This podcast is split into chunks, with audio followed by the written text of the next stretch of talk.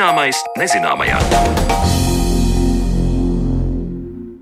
Esiet sveicināti! Skanēt sāk redzējumu zināmais nezināmajā un studijā, kā parasti šajā laikā esmu es Sandra Kropa. Šodien mēs redzījumā pievēršamies procesiem, kas notiek mūsu organismā, kad piedzīvojam novecošanu. Ikdienas dzīves garumā mūsu maņas stāsta par apkārtējo pasauli un ļauj mums šo informāciju tulkot mūsu vajadzībām. Bez maņām nav iedomājama cilvēka dzīve, un tāpēc nereti vecumdienas ir visai sarežģīts laiks cilvēka dzīvē, jo līdz ar pārējiem orgāniem Vājāka paliek arī dažādu maņu uztvere. Raidījuma otrajā daļā iepazīsim, kas tad notiek ar cilvēka šūnām, kad tās vecumdienās kļūst kašķīgas un receptoru darbība mainās, kā arī uzzināsim, ko par izmaiņām maņās stāsta uztveres zinātne. Bet pirms tam par unikāliem procesiem cilvēka smadzenēs īsi pēc nāves. Gaisma tuneļa galā, iziešana no sava ķermeņa, vieglums - tās ir dzirdētākās pieredzes, ko stāsta cilvēki, kas ir piedzīvojuši klīnisko nāvi. Bet ko redz medicīnas speciālisti un vai ir iespējams, tā teikt, nofilmēt, kas notiek cilvēka smadzenēs, tuvojoties nāvei? Par to turpmākajās minūtēs Zanis Lācis Baltāksnes ierakstā.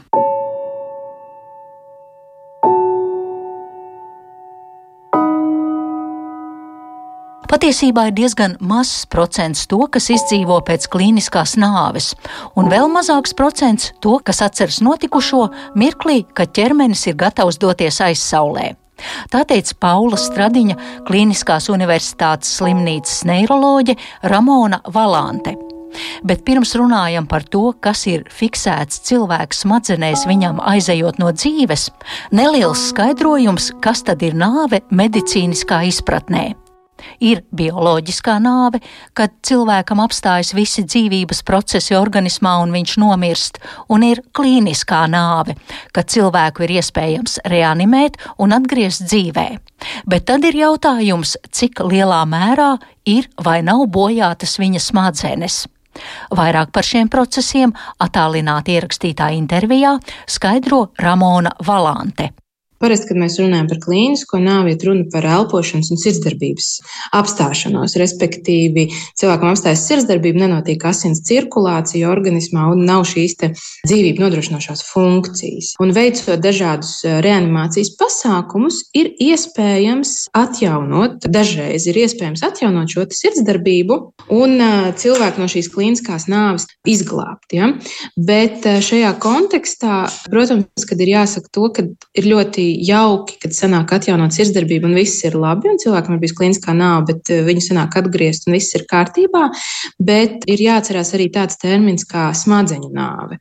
Un eh, atjaunojot eh, sirdsdarbību, atjaunojot šo asins cirkulāciju, diemžēl šis laiks, ko galvas smadzenes ir pavadījušas bez apziņošanas, ir bijis pārāk ilgs, un galvas smadzenes, tīpaši garozi, kas mums ir ļoti būtiska, visās mūsu ikdienas funkcijās ir aizgājis bojā un iestājas tā saucamā smadzeņu nāve, kad uh, cilvēka ķermenis tiek uzturēts pie šiem aparātiem, sirdsdarbība notiek, elpošana tiek uzturēta ar aparātiem, bet nav smadzeņu darbības. Un cilvēkiem, piederīgajiem, dažreiz ir ļoti grūti izprast šo principu, šo terminu, ko tad nozīmē smadzeņu nāve. Jo liekas jau, ka viss kārtībā, cilvēks taču elpo un, un ir ir tā kā ir šajā pasaulē, bet, diemžēl, viņš kā cilvēks vairs nav. Ja? Viņa ķermenis ir izglābts, bet uh, smadzenes nē. Nu, un bioloģiskā nāve ir tad, kad apstājās gan sirdsdarbība, gan elpošana, un viņa nekādā veidā nav iespējams atjaunot. Ir nācies lasīt par cilvēku klīniskās nāves pieredzi, kuri pēc tās ir atgriezušies dzīvē, un tiek minēts, ka vieni ir redzējuši gaismu, citi tā kā izgājuši ārpus sava ķermeņa, un vērojuši šo procesu, cik lielā mērā jūs esat eh, lasījusi vai pētījusi par šo klīniskās nāves eh, pieredzi un kāds ir eh, jūsu viedoklis par šiem stāstiem? cilvēki, kuri ir izcietuši klīnisko nāvi, īstenībā ir arī tāds ļoti interesants, dažreiz daudziem ārstiem, interesants varētu teikt, izpētes objekts. Un periodiski parādās kaut kādas atsevišķas publikācijas, intervijas ar šiem cilvēkiem, ko tad viņi ir pieredzējuši. Šie pētījumi nav tādi ļoti, kā lai pasakā, zinātniski, jo tās ir vairāk kā intervijas, un, un šo pacientu ir īstenībā relatīvi maz. Tāpēc tas arī ir tāds vairāk aprakstošas dabas pētījumi, uz kuru pamatu var izteikt hipotēzi, ko cilvēki varbūt izjūt un kā tas darbojās ja? un kas notiek. Un, uh, ir ļoti interesanti, ka pēc literatūras datiem atrast, ka aptuveni 17% cilvēku, kuriem ir bijusi klīniskā nāve, viņi izjūt šo tā saucamo pirms nāves tādu kaut kādu sajūtu, pārējie neko neatcerās vai neko nav izjutuši. Un šie 17% ir izjutuši kaut kādas tādas visādas dīvainas, varbūt sajūtas, un pēc tam viņas arī atcerās. Šī pirmsnāves sajūtas katram cilvēkam ļoti atšķirās, bet ir pāris punkti, ko var varbūt kā izvilkt, kas ir kopēji. Piemēram, viens no tādām lietām, ko daudzi pacienti cilvēki apraksta, ir, kuriem ir bijuši klīniskā nāve un kur ir atgriezušies, ir šī ārpus ķermeņa pieredze, ka viņiem ir bijusi sajūta, ka viņi vēro no malas. Vēl viena tāda kopīgā iezīme, ko daudz atzīmē, ir satikšanās ar mirušajiem piedarīgajiem, ka viņi satiekās un, un, un redz šos savus mirušos radiniekus, tuviniekus.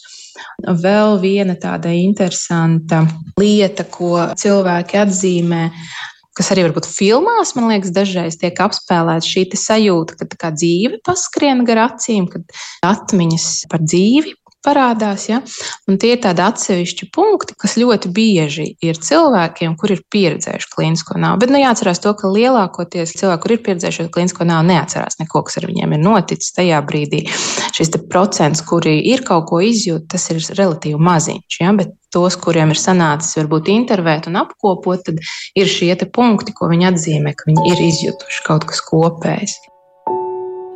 Šī gada februāra mēnesī populāra zinātniskajā portālā Science Alert tika publicēts raksts par to, ka pirmo reizi neirozinātnieki reģistrējuši mirstoša cilvēka smadzeņu darbību. Amerikas Savienotajās valstīs 87 gadus vecam vīrietim pēc operācijas sākās epilepsijas lēkme, un mediķi izmantoja elektroencefalogrāfiju, lai uzraudzītu viņa smadzeņu darbību. Pacients nomira, bet smadzenēs fiksētais sniedza ieskatu par to, ka šim cilvēkam pirms nāves darbojās atmiņa. Vaicāju Ramonai Valantei viņas viedokli par šo rakstu. Teiksim tā, šī ir viena no īpašām situācijām, par kuru nevar vispārināt uz visiem cilvēkiem, ja, par to, kas notiek nāves brīdī. Jo šis eh, pacients bija pēc intracerebrālas hematomas, respektīvi viņam bija jau bojājums galvas smadzenēs, viņam bija asins izplūdums galvas smadzenēs. Viņš saņēma pretepileptiskos medikamentus, un viņam bija kardiāla nāve. Tā kā viņš bija parakstījis, pareizāk viņa piedarīgi atteicās no šīs reanimācijas, atteicās no šīs iespējas pagarināt dzīvību, tad tika pierakstīta vienkārši elektroencefalogramma un viņš nomira. Ja? Bet jāatcerās to, ka šīs visas lietas, ko es nosaucu, kad ir bojājums galvas smadzenēs. Eh, pacients saņēma gan eh, daudz eh, pretepileptiskos medikamentus, gan arī daudz sedējošos medikamentus. Ja? Tas var mainīt to elektroencefalogramu. Līdz ar to Arī daudz medicīnas aprindās, kas rakstu ir lasījuši, arī diskutē par to, vai tas tiešām ir vienkārši miršanas elektroencefalogramma, jo viņa ir ļoti daudz ietekmēta no dažādām pusēm, medicīniskām un arī izmaiņām galvas smadzenēs. Ja? Tāpēc šo vienu situāciju noteikti nedrīkst vispārināt uz visiem pacientiem, bet kas bija ļoti interesanti, tad šajā elektroencefalogrammā tieši pirms apstājās sirds bija aktivitāte zonās, kas ir aktīvas kad mēs atceramies. Un tas arī attiecīgi radīja diskusijas par to, ka pirms nāves mūsu smadzenes atcerās mūsu dzīvi. Un tas varbūt iet roku rokā ar tiem dažiem pacientiem, kuri ir pieredzējuši klīnisko nāvu, kuri stāsta, ka viņi atcerās savu dzīvi pirms uh, viņus atgriež atpakaļ. Ja? Tā kā šim kungam arī bija aktivitātes tajās zonās, kuras ir līdzīgas tad, kad mēs atceramies kaut ko. Bet, kā jau es teicu, šo situāciju ir jāskatās ar ļoti tādu analītisku aci, jo tur bija daudz dažādu ietekmējušu faktoru. Līdz ar to mēs īstenībā nezinām, vai tā ir dabīga miršanas elektroencefalogramma, ja, vai tā ir medikamentu vai šī galvasmadzeņu bojājuma rezultātā radusies izmaiņas. Ja.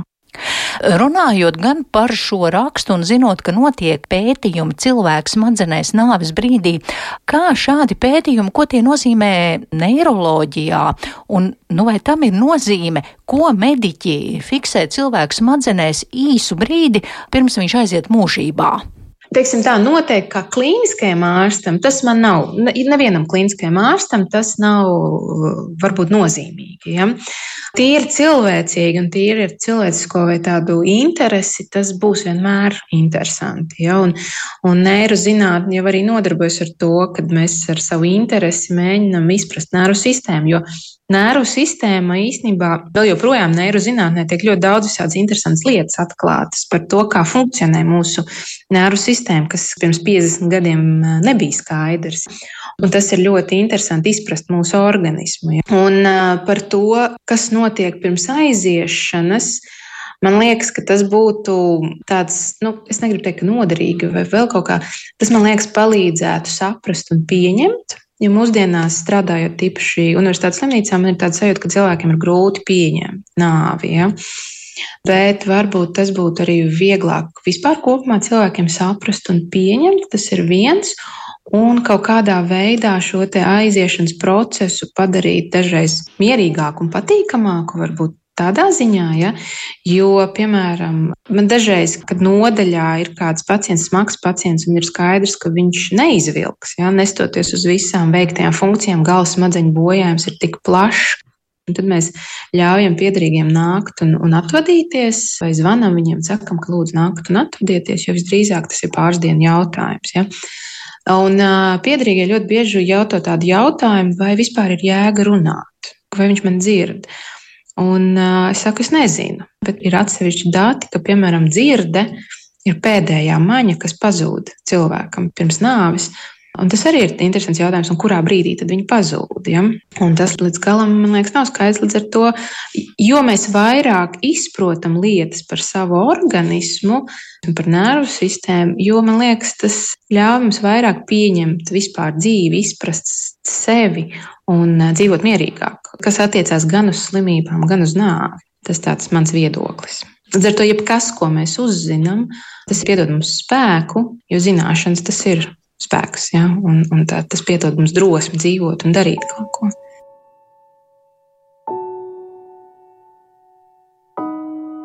Te arī varam šo jautājumu skatīt gan no medicīniskās, gan arī no psiholoģiskās un filozofiskās puses. Viens, ko reģistrē medicīniskie aparāti, pieslēgti pie mirēja ķermeņa, un otrs - aizgājēji sajūtas, dzirdot, ko viņam saka līdzās esošie tuvinieki. Zinātniski to nevar pamatot, bet tīri emocionāli iedot dvēseles mieru gan aizgājējam, gan palicējiem. Dažreiz ir tāda sajūta, kad atnāk un atvadās un pasaka, ka es tevi mīlu un viss kārtībā un, un atvadās, tad tie cilvēki arī mierīgāk aiziet. Jo slimnīcā dažreiz esmu redzējis ļoti ilgas un mokošas nāvis. Un, un tāda sajūta, ka cilvēks tieši gaida šīs atvadas. Ja? Tā kā jā, tā ir tāda tēma, ko, diemžēl, līdz galam mēs nekad, vismaz noteikti ne tuvākajā laikā, nevarēsim atbildēt, bet tāpēc ir ļoti interesanti, kad ir dažādas šīs nejaušības kas sanāk, un tad var varbūt teoretizēt un, un padarīt šo procesu tādu mierīgāku.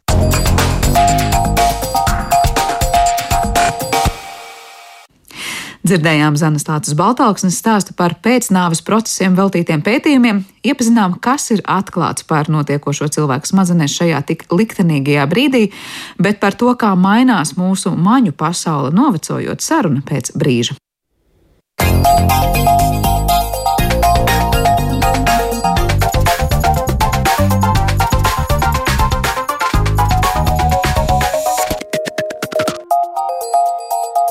Zināmais nezināmajā. Ir laiks mūsu dzīvēs, kad apkārtējo pasauli sajūtam īpaši asi un jutīgi, un ir laiks, kad paliek grūtāk saklausīt čukstus, grūtāk izlasīt burtus, un apkārtējā pasaule sāk pazust tulkojumā mūsu maņu orgānu dēļ. Šis process daudziem cilvēkiem ir daļa no novecošanas, un kas tad īsti notiek ar mūsu spēju uztvert apkārtējās vidas kairinājumus, kāpēc mājas vecumdienās vairs nav tik asas un jutīgas kā jaunībā. Par to un daudz ko citu mēs šodien uz sarunu esam aicinājuši. Latvijas Universitātes divus profesorus, es teiktu, medicīnas zinātņu doktoru un profesoru un Riekstiņu. Labdien! Labdien! Un Latvijas Universitātes profesoru un datorikas fakultātes uztveres un kognitīvo sistēmu laboratorijas vadītāju, arī kognitīvo zinātņu pētnieku Jurģis Čilteru. Labdien! Labrīt! labdien.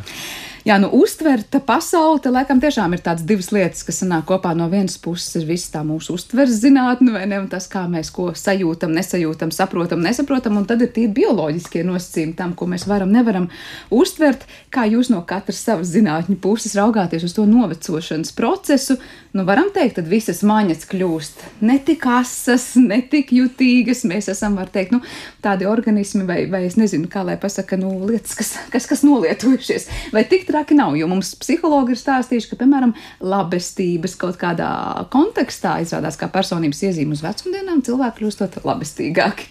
Eh, un sākšu ar to bioloģisko pamatu. Nu, bioloģiskais pamats saka, ka tomēr um, mūsu organisms nolietojās, šūnas uh, zaudē savu atjaunošanās spēju un arī tās maņu funkcijas ar laiku pavainās, bet ne visas vienlaicīgi. Nu, notiek tā dažādi. Dažas tur 40 gados jau mazliet dzirde, laikam var sākt e, mazināties. Tad interesanti lasīja pa garšu, jā, ka tas ir 70 gados var mainīties. Un tāds interesants fakts, ka, piemēram, nejūt vairs sāļu garšu un var sākt lietot pastiprināt sāli, nemaz to nemanot.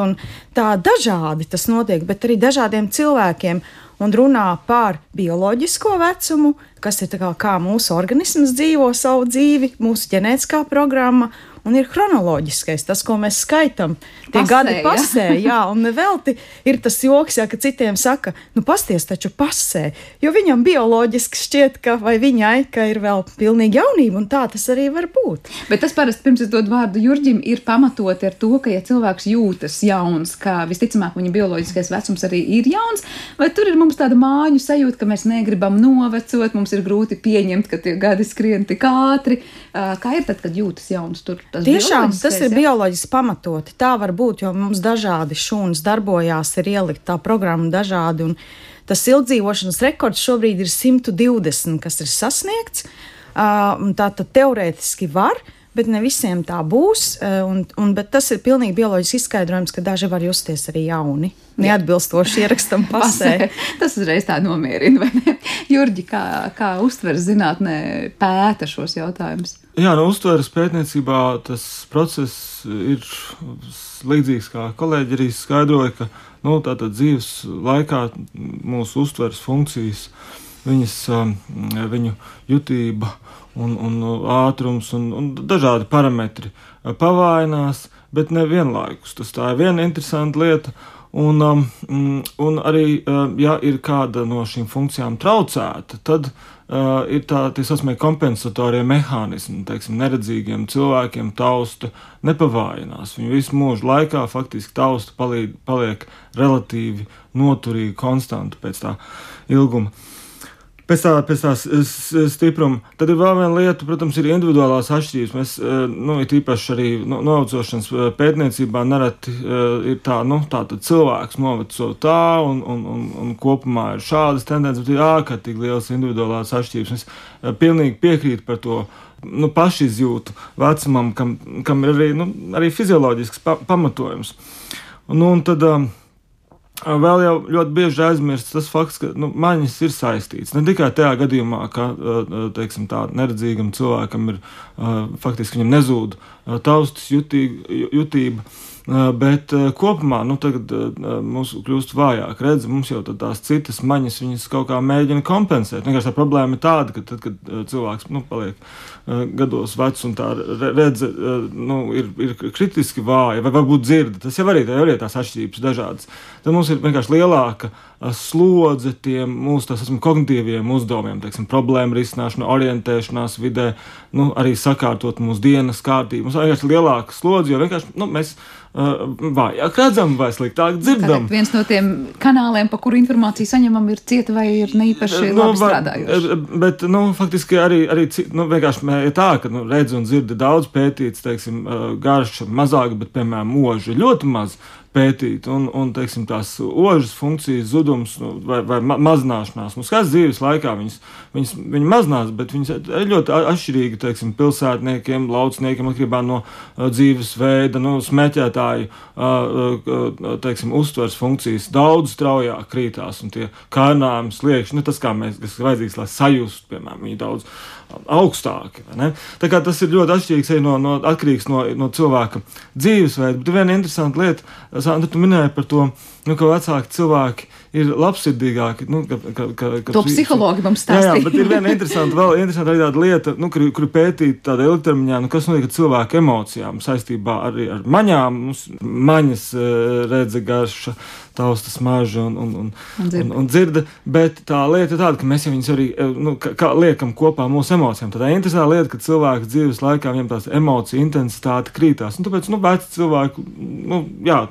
kā teicu, ir, ir draudzīgāki. Bet ir viens liels, bet ir viena, eh, domājot par to, kas nekrīt, kur no, no emocijām uh, intensitāte nekrītās un kur saglabājās dzīves laikā relatīvi konstanta, tā ir vajadzība pēc laimes tā ir tā, nu, domājot par, par tām nu, nosacīti kognitīvi, afektīvajām funkcijām, kas mūsu dzīves laikā tomēr saglabājās noturīgi. Saka, arī, arī, arī veciem cilvēkiem šī emociju intensitāte viņi, viņi nekrītās, vajadzība pēc viņas nemazinās. Mēs savukārt arī par to labestību runājot, toreiz diskutējām un teicām, bet dažkārt ir sajūta, ka, saku, nu, vecuma cilvēks kašķīgs paliek un tur neiecietīgāks, nu, gluži pretēji. Es runāju, gribu vaicāt, mēs savulaik rakstījām vienu sarunu par šūnām un to, kā šūnas noveco, un tad tur izskanēja frāzes, ka uz vecumu šūnas kļūstot kašķīgs gluži kā cilvēki. Vai tā ir un kas ir ar to šūnu kašķīgumu? Mm, tad, kad šūnas noveco, mm, saņemot pārāk daudz tādus vides Eh, kaitīgos signālus eh, šūna var apstādināt savu augšanas vai dalīšanās programmu un kļūt par tā saucamo senescento, jeb novecojušo šūnu. Un tad tajā brīdī viņi izdala arī tādus faktorus, kas signalizē uh, imūnsistēmai, ka nu, es tagad esmu apstājusies savos procesos, metabolisms vēl notiek, bet uh, ierosina tādu iekaisīgu vidi, uh, un rada kopumā organismā tādus iekaisuma procesus, kas ilgtermiņā var arī uh, novest pie kādām slimībām, kroniskām. Bet runājot par organismu, tad atkal, ja ir kāda slimība kroniska, tad, protams, tas dod arī fonu. Tas iekaisīgais fons var ietekmēt arī mūsu smadzenes un pašsajūtu. Un tas varbūt arī atcaucās tajā sliktajā pašsajūtā, un varbūt arī uztver pasauli nu, tā nu, drūmāk, ja vai kā. Bet, bet ir tāda tendence, man liekas, arī kognīcijā, ka tomēr palielinās tāda depresija, arī nu, iespējamība, jā, nomāktība. Un, Tas apliecina vēl vairāk, ka cilvēkiem gados ir vajadzīgi tie sociālie kontakti, lai arī apkārt ir ģimene vai draugi, krustbērni, mazbērni, ka viņi ir daļa no sabiedrības, ka viņi nav izolēti vieni paši, jo tas var veicināt arī tādu atslēgšanos un, un to funkciju samazināšanos. Un, ja skatās tikai televizoru, man liekas, tad pavisam traki var būt. Ko skatās pa to televizoru? Jā, jā, jā tas ir, tas ir tā, tā pilnīgi piekrīt. Tā jau ir vēl tā lieta, ka nu, ļoti bieži Ja tas jautājums, nu kā, kā trenēt uh, uh, atmiņu vecā gada gājuma cilvēkiem, nu, neskatīties tik daudz televizoru, skatīt, lasīt uh, grāmatas. Tā ļoti vienkārši lieta, jā, jo lasot grāmatas, mēs, mēs darbinām to tā saucamo horizontālā skanēšanas procesu vizuālajā uztverē, un tas ir saistīts ar mūsu uzmanības funkciju trenēšanu, arī īstermiņa un ilgtermiņa atmiņas trenēšanu. Tagad, nu, tāds uh, viens sīkums, bet uh, Protams, ka ir jāņem vērā tas, ka nu, veci cilvēki lielākoties ir, ir, ir vientuļāki nekā, nekā teiksim, pusmūžu. Un, un, un jaunu cilvēku. Līdz ar to tas, tas jautājums, kas teiksim, to depresiju izraisa, noteikti ir nu, noteikti viens cēl, cēlonīgs tāds sakars, varētu būt, protams, fizioloģisks, bet tā otra lieta ir tāda, ka nu, Um, nu, zudot uh, sakaru intensitātei ar cilvēkiem visapkārt un, un, arī, piemēram, nu, pavainoties tām maņām, nu, tas jau arī izraisa uh, to uh, depresijas uh, izjūtu, vai nu, depresija ir ļoti heterogēns, tāds nu, ļoti spurains. Uh, veidojums. Uh, tāpēc uh, ir jau arī vairāk tādi, tādi ilgtermiņa pētījumi, tādi, kur, kur ir konstatēts, ka tie cilvēki, kuriem ir intensīvi kontakti ar, ar ģimeni, ar bērniem, viņi arī no, noveco daudz nu, tādā draudzīgākā veidā, nu, respektīvi, viņi arī tās kognitīvās funkcijas uh, saglabājās daudz ilgāk. Kaut kad nesen lasīju, ka tieši bija teikts par veciem arī cilvēkiem, ka novecojot, nu, ņemam vērā arī to, kāds cilvēks ir bijis visas dzīves garumā, nu tā teikt, tā saucamais introverts vai ekstraverts, un tā ļoti vienkāršojot lietas, proti, ka varbūt uz vecumu, nu tas cilvēks, kurš visu mūžu ir juties labi, viens palasīt grāmatu vai padomāt, nu, ka varbūt obligāti nevajag viņu tur uz deju kolektīvu, uz, uz vēl kādu sajiet. Cik ļoti vecumā mēs saglabājam visu to, kā mēs dzīves laikā esam esam dzīvojuši, vai tomēr ir kaut kādas vajadzības, kas nu, izpeld ārā tikai tad, kad nu, tā vientulība varbūt vairāk sev liek manīt, un cilvēks pat visintrovertākais gribēs socializēties citādāk. Jā, bet tur jau ir tā lieta, ka tā varbūtība, ka introverti cilvēki vecumā kļūs vientuļi un ka viņiem būs grūtāk, nu, protams, viņi ir lielāki, skaidrs. Un es pilnīgi piekrītu, ka ir, ir nu, muļķīgi uh, dzīves gaitā iestrādāt uh, nu, rutīnu un, un to uh, dzīves stilu nu, tā, mainīt vienkārši tāpēc, ka. Bet, nu, jebkurā gadījumā sociāli kontakti, arī, arī sportošana, kustēšanās. Tas, tā, tā, tā, tā fiziskā komponente tajos kognitīvajos un uztveres procesos ir ārkārtīgi būtiska novecošanas griezumā. Te, te ir tā frāze, kas bieži izskan, un te patiesībā jautājums jums abiem, Jurģis iesāk, varbūt Jurģi lūkšu tev arī turpināt. Tā kustēšanās un fiziskā aktivitāte ar kognitīviem procesiem, kas tieši tiem kognitīviem procesiem liek noritēt labāk tikai tāpēc, ka cilvēks ir fiziski aktīvs? Uh, nē, nu, piemēram, uh, ja mums ir tādi nu, darbības, kuras mēs veicam uh, ikdienā, kuras ir daļa no mūsu ikdienas rutīnas, un viņas ir saistītas ar, ar, ar nu, fizisku darbu, mēs jau pirmkārt mēs organizējam to savu mm, darbības struktūru, kas ir ļoti būtiska mūsu, mūsu atmiņas funkcionēšanai. Bet nu, tie visi kognitīvie procesi, viņi jau nav tāda, tā tāda atsevišķa tāda kastīte. Viņi ir saistīti ar mūsu ķermeniskiem procesiem, kas norit ikdienā. Tā kā, teiksim, ja mēs domājam par atcerēšanās uzmanību, nu, viņi, viņi ir integrēti tajā mūsu fiziskajā, fiziskajā aktivitātē. Nu, tas, tad, Ir, ir, ir daudz un dažādi pētījumi, piemēram, par vizuālo telpisko uztveri un, un saistību ar mūsu ikdienas pārvietošanos, piemēram, kāda viņi ir sportistiem, kāda nu, ļoti sensitīvi uh, mērījumi, kas, kas, kas atšķirās un, un, un kas liecina to, ka mūsu fiziskā aktivitāte nu, kritiski ietekmē tos kognitīvos procesus. Nu, tas ir, es domāju, vesels atsevišķs stāsts, ka mums liekas, ok, ģēnijs pie rakstām galda, ne, bet tā ļoti reti tā ir. Nu, patiesībā cilvēki, kuri ir talantīgi tajā intelektuālajā jomā, viņi arī ir fiziski aktīvi. Ja? Nu, ir izņēmumi, ja? bet nu, tomēr. Jā, mēs nerunājam par olimpiskiem jā, jā, jā, sportistiem, jā. bet es, par vienkārši fiziskām aktivitātēm. Un nē, patiesībā tas pats jautājums, ko šūnām nozīmē tā mūsu fiziskā aktivitāte. Tas arī liek būt, nu, ja tā iedomājamies katrai šūnai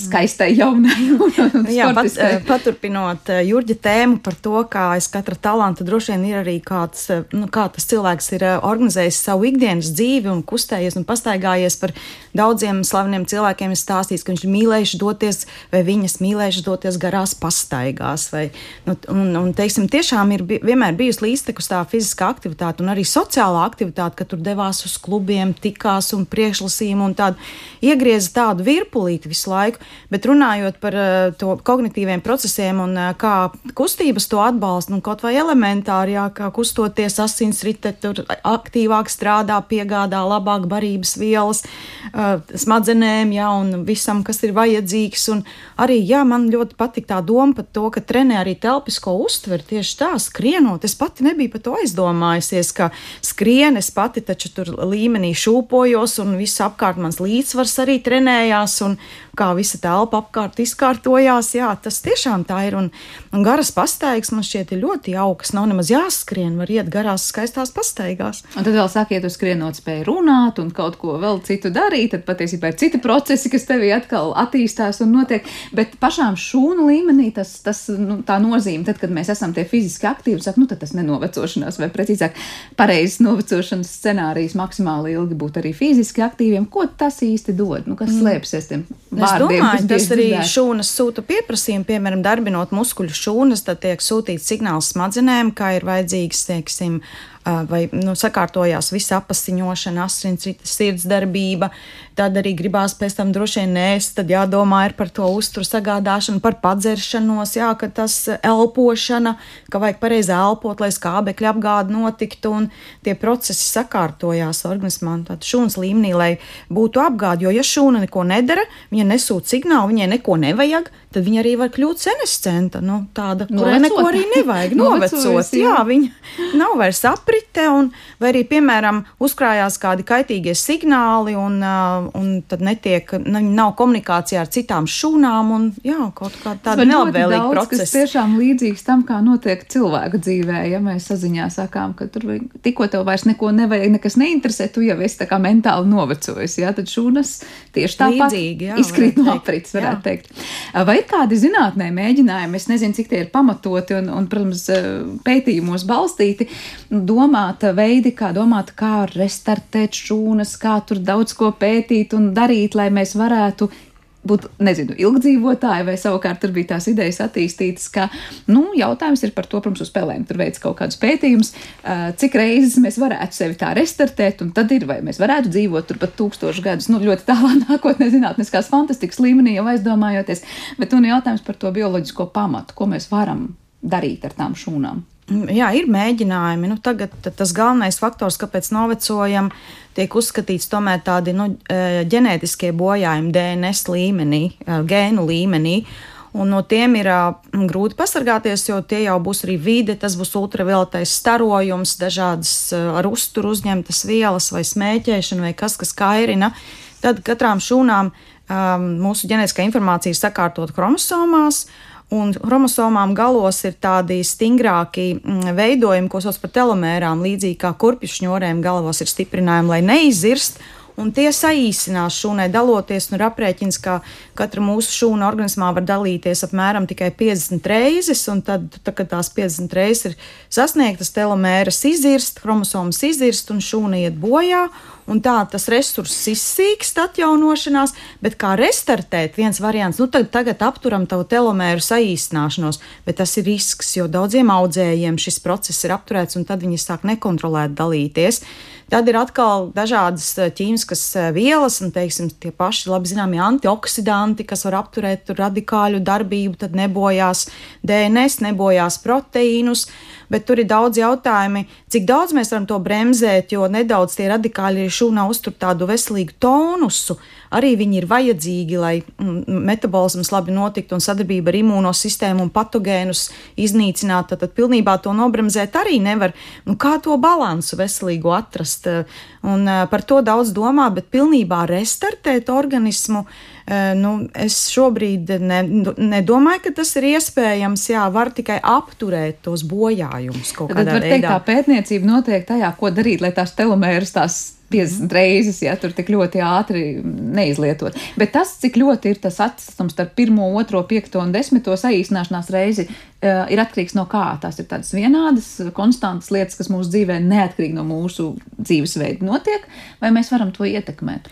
Nu, šūnas mums dažā, dalās ar dažādu ātrumu. Piemēram, ir lēni dalošās šūnas, tās pašas nervu sistēmas šūnas, muskuļu šūnas un ir ļoti ātri dalošās tādas kā asinsrades eh, sistēmas šūnas, imūnsistēmas šūnas, tām varbūt ātrāk nolietosies, bet eh, te ir runa vairāk par tādu arī mm, tām saucamajām cilmes šūnām, kas mums orgānos ir un audos arī visas dzīves laikā, kā ja ātrāk sabojājās tās nu, pirmās rezerves, ja, tad, tad tās rezerves iztukšojās. Ja, tā, tad, ja ir daudz antioksidantu kairinājumu, kaut kāds kaitīgs dzīvesveids, tur apstākļi, ātrāk izsīkst arī tās atjaunošanās rezerves. Tā kā, kā vienmēr saka par dažādām ģenētiskām slimībām, puse ir tie gēni, un otra puse ir vide un apstākļi. Tad mēs ar savu dzīvesveidu varam ļoti daudz arī ietekmēt tajā, lai tās šūnas būtu pasargātas un ilgāk tās rezerves kalpotu. Bet arī iedzimtība nosaka, tomēr ne visiem tie procesi var būt bioķīmiskie, arī ar dažādu ātrumu iet. Tāpēc mēs runājām par bioloģisko mhm. pulksteni un par chronoloģisko pulksteni. Jorģi, vai laikam, kas piebilstams? Jā, es eh, pilnībā piekrītu piekrīt, un tas cilvēks ir tāda, nu, tālā nesakoties tāda kārtēnā torta, un tas, ko Una stāstīja, tas ir tas, teiksim, tas šūnu līmenis un tas pamat līmenis, un viņš eh, pilnībā saskana vai atbalsta arī to, kas ir tajos citos, nu, tā teikt, līmeņos, kas ir tālāk no, norisinās. Nu, piemēram, mēs domājam, novecošana, nu, vismaz trīs procesi, kas tādā nu, tā, uztveres griezumā notiek. Teiksim, un, kā, un kāpēc man liekas, ka tāda restartēšana ir nu, mazliet bezjēdzīga ideja?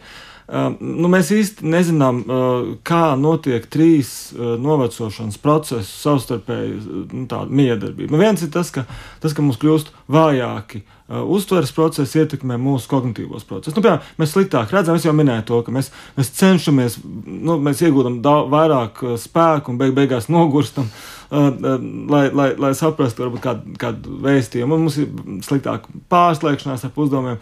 Es tikai uztver ietekmē tos, tos kognitīvos procesus. Bet ir otra lieta, ka nu, cilvēkam, protams, arī nu, domāšana dzīves laikā, nu, piemēram, epizodiska atmiņa. Nu, viņi, nu, viņi pasliktinās dzīves laikam. Tas, protams, arī tas var ietekmēt tos uztveres procesus. Varbūt mēs vienkārši, tāpēc, ka mūsu kaut kāda problēma risināšana, domāšana nenotiek gluži perfekti. Mēs, mūsu uztvere kaut kādā veidā. Kā, tas ir otrs virziens, kā tas tā, tā, tā novecošana ir. Vēl trešais virziens, tas arī rezonē ar to, ko Una minēja. Ka, cilvēka nu, fizioloģija kopumā ietekmē tos, tos gan, gan kognitīvos, gan arī uztveres procesus neatkarīgā veidā. Vienkārši tāds, tāds globāls nu, process, ka mēs, nu, mēs, mēs vājāk dzirdam, redzam, saužam, bet, bet arī neatkarīgi no tā mums ir piemēram vājāka atmiņa vai mums ir piemēram no kaut kāda arī uh, nu, darba atmiņas, teiksim, ir, ir, ir, ir pasliktināšanās dzīves laikā. Bet kas notiek, ja, piemēram, nu, labi, iet to vienu ceļu zinātnē, tālā nākotnē vai netik tālā nākotnē? Tur cilmes šūnas, vēl kaut kas cits tur izmantots, piemēram, lai mēģinātu maksimāli ilgi nu, noturēt to fizioloģisko pusi, lai mums varbūt nu, tās mājas tik ļoti arī nes, nesas, nepasliktinās un orgāni e, darbojas tāpat kā jaunībā, nu, nosacīt, teiksim. Mēs varam tad teikt, nu, atrisināsim zinātnē to pusi, varbūt tad arī mums tās visas domāšanas un kognitīvās uztveres puses ilgāk uzturēsies jaunas. Jā, bet tās, tās funkcijas jau ir, ir saistītas. Teiksim, nu, nav jau tā, ka mēs dabūjam gatavu vienu ķieģelīti, nu, nu, tā, un tagad tad viss tā. Pārējo pavilksim līdzi. Nu, cilvēks jau nav tāds nu, LEGO konstruktors, tā skatoties. Tā kā, Bet par to, um, piedošana, par to domāšanu un atmiņu arī runājot, mēs ne nepieminējam tādu lietu kā miegs kaut vai, ja, un es lasīju par to, ka vecumdienās, tad, kad mums liekas, nu, cilvēki tur ātrāk mostās, un viņam liekas, ka mazāk vajag to miegu. Un pētījums saka, ka patiesībā miegu vajag tikpat daudz, cits jautājums tikai par to, vai, vai cilvēki atrod laiku pirmkārt gulēt pietiekoši daudz stundas, vai tas miegs, kad kļūst trauslāks, ir pietiekoši kvalitatīvs. Un tur ir labs salīdzinājums. Nu, līdzīgi būtu teikt, ka nu, uz vecumdienu paliek kauli trauslāk. Nu, mēs nevaram teikt, ka cilvēkam jābūt ar trausliem kauliem. Tā vienkārši notiek. Vai nav tā, ka tad, kad cilvēki, piemēram, vecumdienās kaut vai gulētu tās kvalitatīvās miega stundas, tie paši atmiņas procesi un kognitīvie procesi uzlabotos? Nu, tā ir viena, viena no, no, no komponentiem. Es nedomāju, ka tas tā, tā būtu tāda atslēga. Es domāju, ka nu, ir, ir skaidrs, ka, nu, ka par ko faktiski diskusija zinātnē nav, ka cilvēka uztveres procesi, nu, viņiem ir tendence uh, dzīves laikā uh, pavaināties. Uh, es domāju, ka uh, miegs noteikti var uzlabot, bet atkal ir miega pētniekiem parasti tas, tas uh, stāsts par to, ka mums ļoti individuāls miega rutīnas. Un, un skaidrs, ka ir vajadzīgs kārtīgi izgulēties. Par to neviens jau īpaši nešaubās. Bet, bet jautājums, cik mums ir jāguļ, kā mēs guļam, tas ir ļoti. Nu, tas, tas process ir daudz nu, protams, individuāls. Jā, jā tas ir arī vēsturē, kā, kā nu, kuram cilvēkam ir tie, tie, tie uh, uh, diennakts ritmi.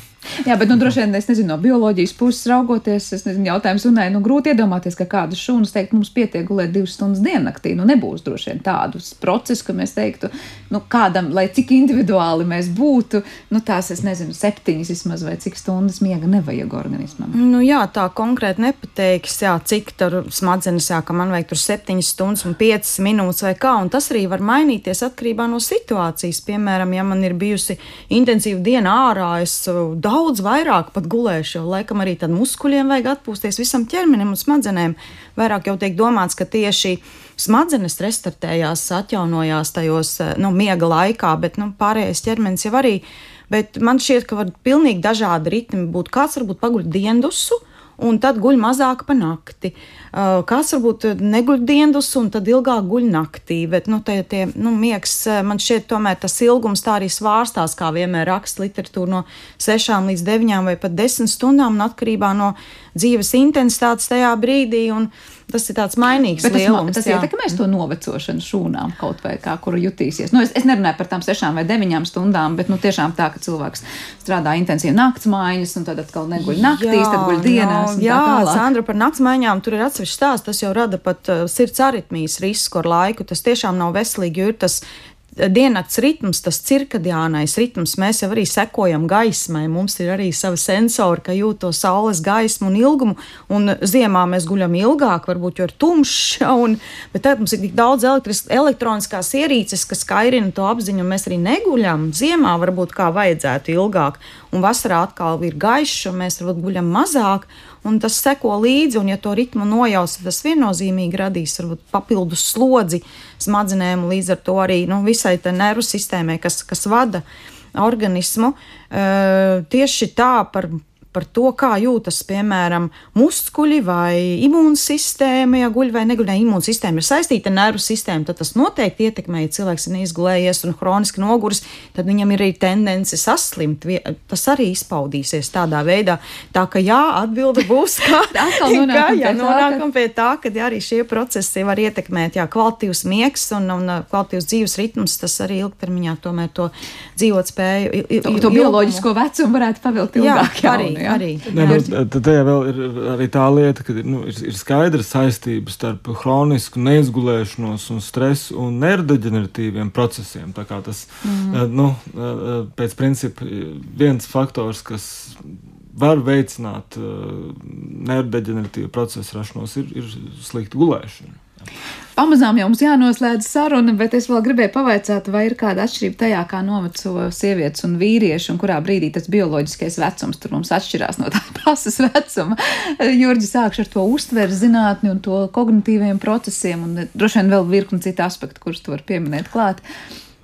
Jā, nu, no, no manas puses tāda īsāka atbilde šeit būs. Nu, katrā no tām maņām tā, tā, tas, tā, tā struktūra, novecošanas struktūra ir mazliet atšķirīga, bet, viņas, bet dzimuma atšķirības, protams, ka ir. Un, piemēram, ja mēs domājam par ožu tad eh, nu, tas jutīgums, ošs jutīgums, viņam ir tendence labā, ilgāk saglabāties sievietēm ne, ne, nekā vīriešiem. Nu, faktiski vairumā gadījumu sievietēm kognitīvās un arī, arī īpaši uztveres funkcijas ir, ir mazliet labākas nekā vīriešiem. Piemēram, telpiskā orientācija tur varētu būt mazliet atšķirības. Vīriešiem ir labāks. Bet, Bet nu, tā kopumā es gribētu teikt no, no uztveres pētniecības perspektīvas, atšķirības ir, bet viņām nav īpaši nu, tāda jēga, varbūt teikt, kuri noveco labāk. Ja? Mēs, nu, cilvēki nu, ātrāk, tu domā, labāk? Nē, nu, la, labāk tādā ziņā, nu, vienkārši, nu, kad saglabājās tās visas uh, svarīgās cilvēkam funkcijas arī vecumā.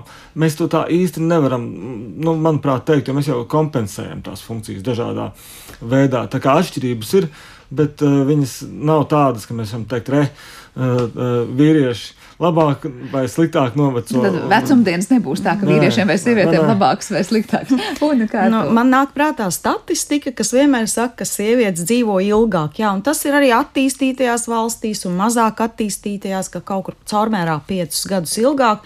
Tas ir saistīts arī ar visām šīm slimībām, kas dzīves laikā izveidojas. No Latvijā, piemēram, ir augsts kardiovaskulāro slimību risks un tieši laikam vīriešiem vairāk izteikts, un tas arī saistībā ar dzīvesveidu.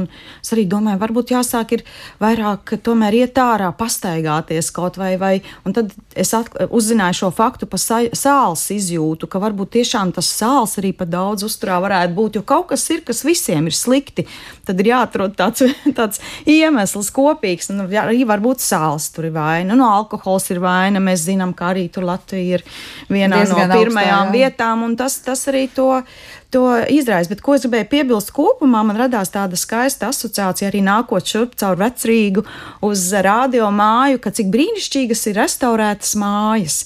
Un tad, tad arī varētu vilkt paralēlus ar cilvēku organismu, ka var skaisti novecot. Nu, kaut ko mēs pierestaurējam, kaut kas nefunkcionē, mēs salabojam, bet kopumā tas ir skaisti tā, kā tas ir. Un to vecumu sagaidīt arī kā kaut ko skaistu. Jā, kaut kas samazinās, tas ir dabiski. Bet pieņemt to un izdzīvot to. Un man nevajag pilnībā restartēties. Es negribu zaudēt to savu pieredzi, kas man ir, jā, un kas varbūt ir redzama manā sejā un manā ķermenī. Un tā ir mana dzīve, tas, tā esmu es tāda, kā es esmu. Ja. Jā, nu pie šī skaistā novēguma grūti vēl ko pielikt un kaut ko atņemt. Teikšu paldies Unai gan par šo rezumējumu, gan, protams, jums abiem par šo sarunu. Tiešām skaisti novecot. Nu, no vienas puses daudz mums teikt, tur viegli teikt, kamēr tu to vecumu vēl neesi sasniedzis. Bet tiešām nu, nevajag gaidīt no sevis, jebkurā vecumā, to, kas tu neesi. Jo tieši tas, kas tu esi, ir tieši tā tava vērtība. Latvijas Universitātes profesora un medicīnas zinātņu doktora Una Rieksteņa, kā arī Latvijas Universitātes profesors un datorikas fakultātes uztvers un kognitīvo sistēmu laboratorijas vadītājs Jurģis Čilters, un mums bija kopā šajā raidījuma sadaļā. Ar to arī raidījums ir izskanējis, un paldies par to teikšu producentē Paulai Gulbinskai, Girtam Bišam, kurš parūpējās par mūziku. Nora Mitspapa bija skaņu režijā, un es Sandra Kropa studijā visu šo stundu. Mēs tiekamies jau pavisam drīz, lai mums visiem jauka un veiksmīga diena. Atā.